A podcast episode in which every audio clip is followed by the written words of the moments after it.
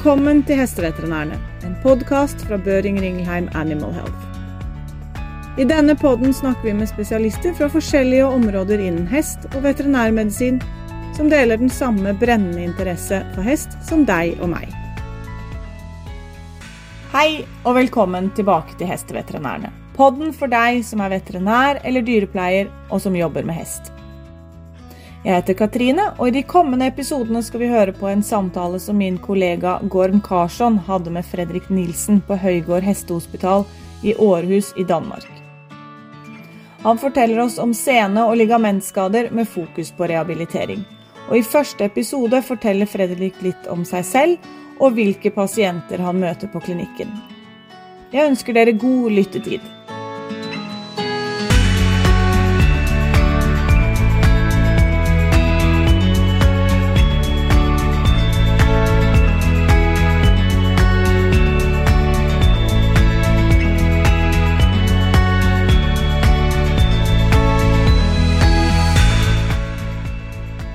Hello, everybody, and a warm welcome to this podcast about tendon and ligament rehabilitation. My name is Gorm Carson. I'm a vet and a former equine practitioner.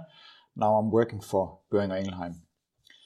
And I'm pleased to be joined here today by Frederik Nielsen, who is also a veterinarian. Uh, he is a managing veterinarian at Højgaard Equine Clinic in, in Aarhus in Denmark, and also the team vet for the national dressage team. Frederik, welcome to this podcast about uh, rehabilitation, and thank you for taking the time uh, to share some of your thoughts and insights uh, with us here today. Could you start by telling us a little bit about yourself and your uh, and your background? Indeed, and hello, and thank you for inviting me here. Um, I hope we can uh, make some interesting talks here, and I hope some of the listeners can uh, have some good points out of it. Uh, yeah, first myself, I am originally from, yeah, here Denmark, closer to Copenhagen. I grew up in a true vet family. Both my parents are vets. So literally the vet clinic of theirs was just uh, next from the kitchen. So I just had to go through the door. Then I was there. Um, secondly, in my family, we have interest for horses. So we are four children and the three of us uh, did a lot of riding. Mm-hmm. So, uh, for me, it was show jumping. So I did a lot of show jumping while being a pony rider and a junior. Yeah. And uh, not not top top level, but I did national level and a few national shows and and some national championships as well. Perfect. And then uh, before, then after high school ending, then I went one year to Germany, yeah. worked there as a rider, mm-hmm.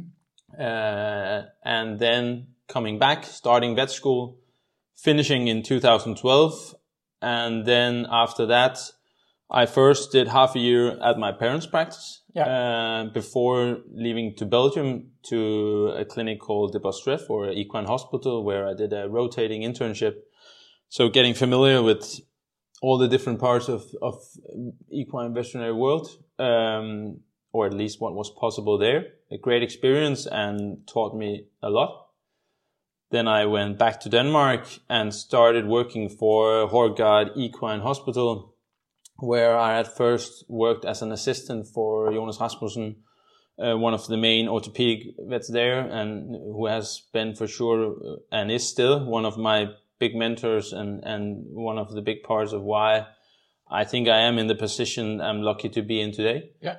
Um, I worked there as an assistant for half a year or a little bit longer and then started working in the field and then gradually over the years, I've then got to work more and more with orthopedia.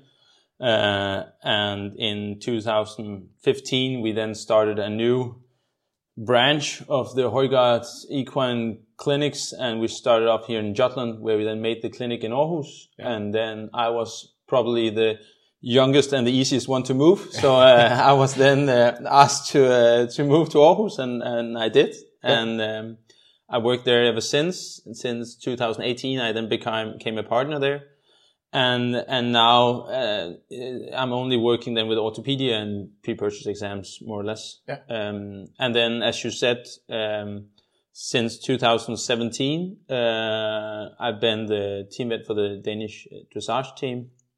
My first show was the European Championship in in Gothenburg, yeah. quite spectacular show they had up there. Uh, and then I've been along ever since, which has also been a real eye opener and a, a, perfect way to travel around and see really the top level of sport horses, how they compete and, and, and the management that is, is kept around them, uh, to keep them sound and fit to perform at highest level. Yeah.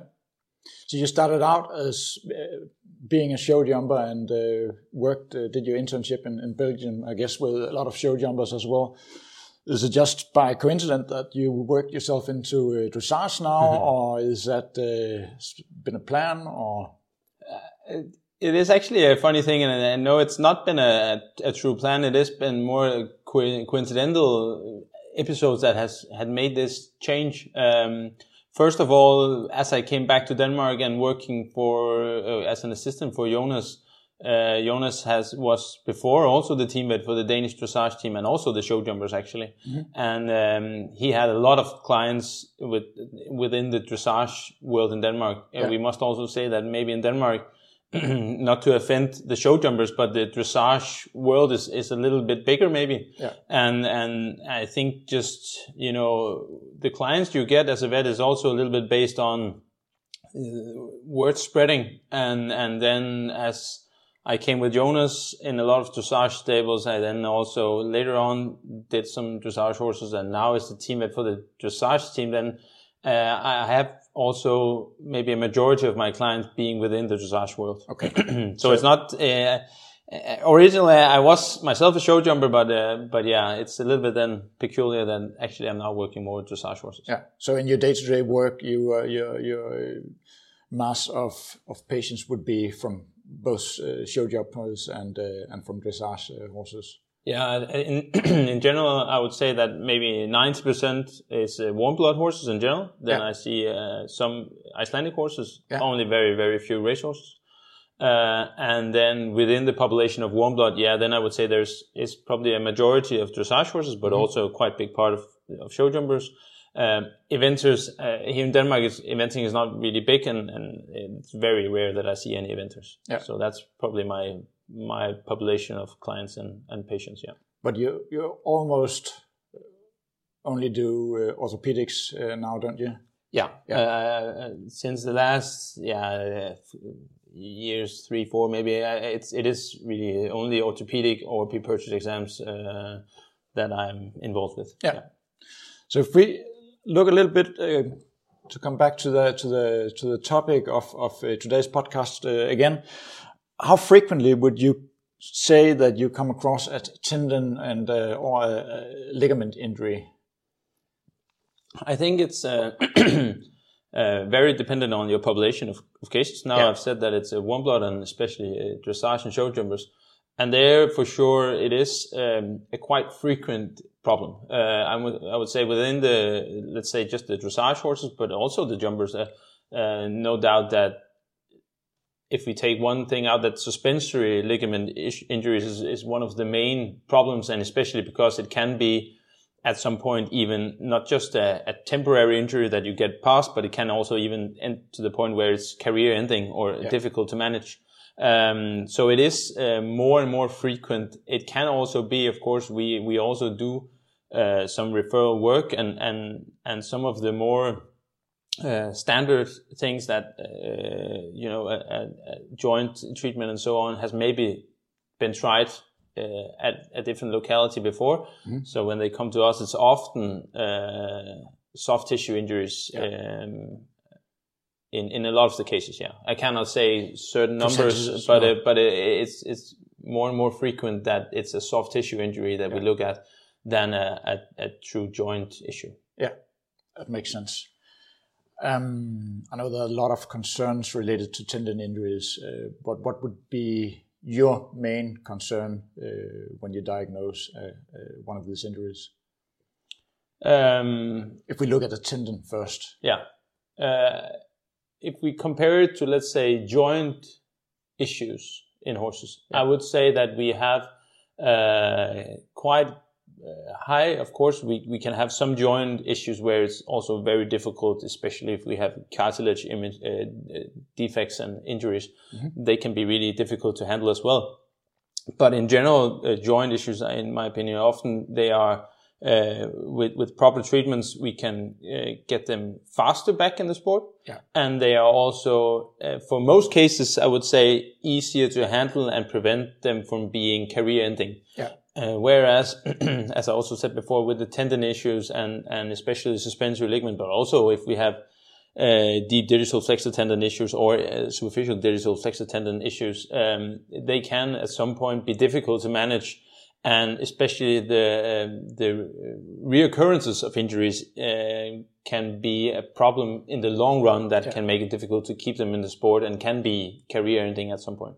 So that's I think uh, um, that's one of the issues. And then another thing that's uh, tricky with tendon and also ligament issues is that often um, the the time frame is longer, yeah. so it can be more difficult to keep the owner or the rider dedicated and motivated yeah. through the period because it, it, it's as I said with some of the joint issues often it's a a couple of treatments and if you do good you keep them you get them relatively fast back uh, yeah. to riding and that's more uh, easy for them to overcome whereas with the tendon and ligament issues often it's a, first a prolonged period of relative rest with uh, we will probably get back to that with some mm-hmm. controlled uh, exercises uh, before you you even then get to the point where you start the rehab. And the rehab for uh, tendon and ligament issue must be, in my experience and, and opinion, much more prolonged uh, compared to joint rehabs because here you you will need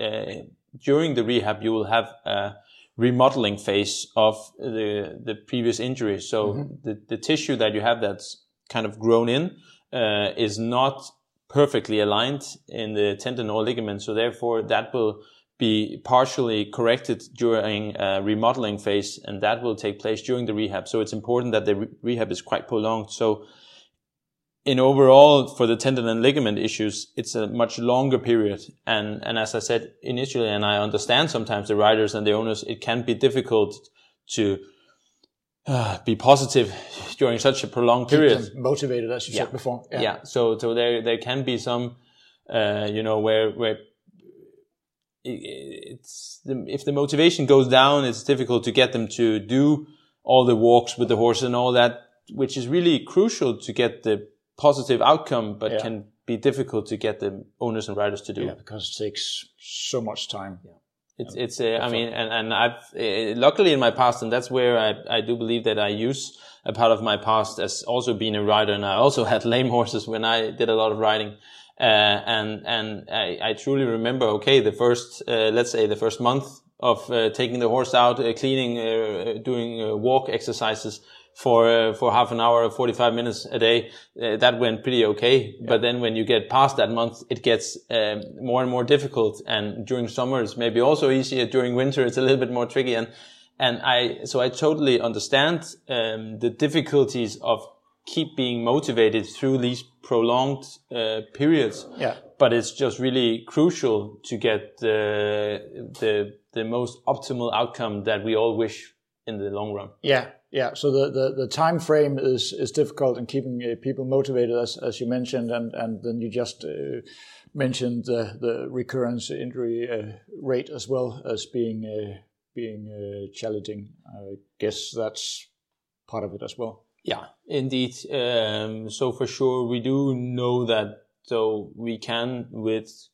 good treatment, good rehab, we can get strong tendons again. But uh, I I think we must all see that it's not getting back to maybe 100% strength as the original tissue. So we are at some levels below, and that of course makes it uh, more likely that you will have re-injuries. And actually, often what I see is that uh, it's maybe not necessarily a re-injury at the exact same location, but more in the borders of the previous yeah. injury. So, yeah. so what I believe is that the the the injured the first injury, then you have a healing, and the healed tissue there, even after the remodeling phase, will maybe not have just the same elasticity no. as the original tissue. So at the border from the in, the healed tissue to the original tendon, you will have um, difference in elasticity, and therefore that's um, when you have a difference, a border with difference in elasticity,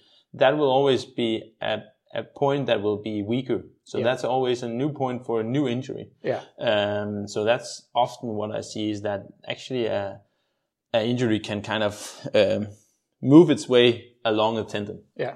So due to the, the, the invasion of the scar tissue of the original injury, you see uh, re-injuries uh, just proximal or distal to the original injury, so to speak. Yeah, we, we, we tend to see that a lot, and, and I believe that yeah, the scar tissue is, and, and therefore also a, a big goal of of tendon and ligament issue injuries when you have you know true fiber injuries is for sure to to try to decrease the amount of scar tissue within the heal tissue that will be uh, lasting for long afterwards. Yeah, that makes sense.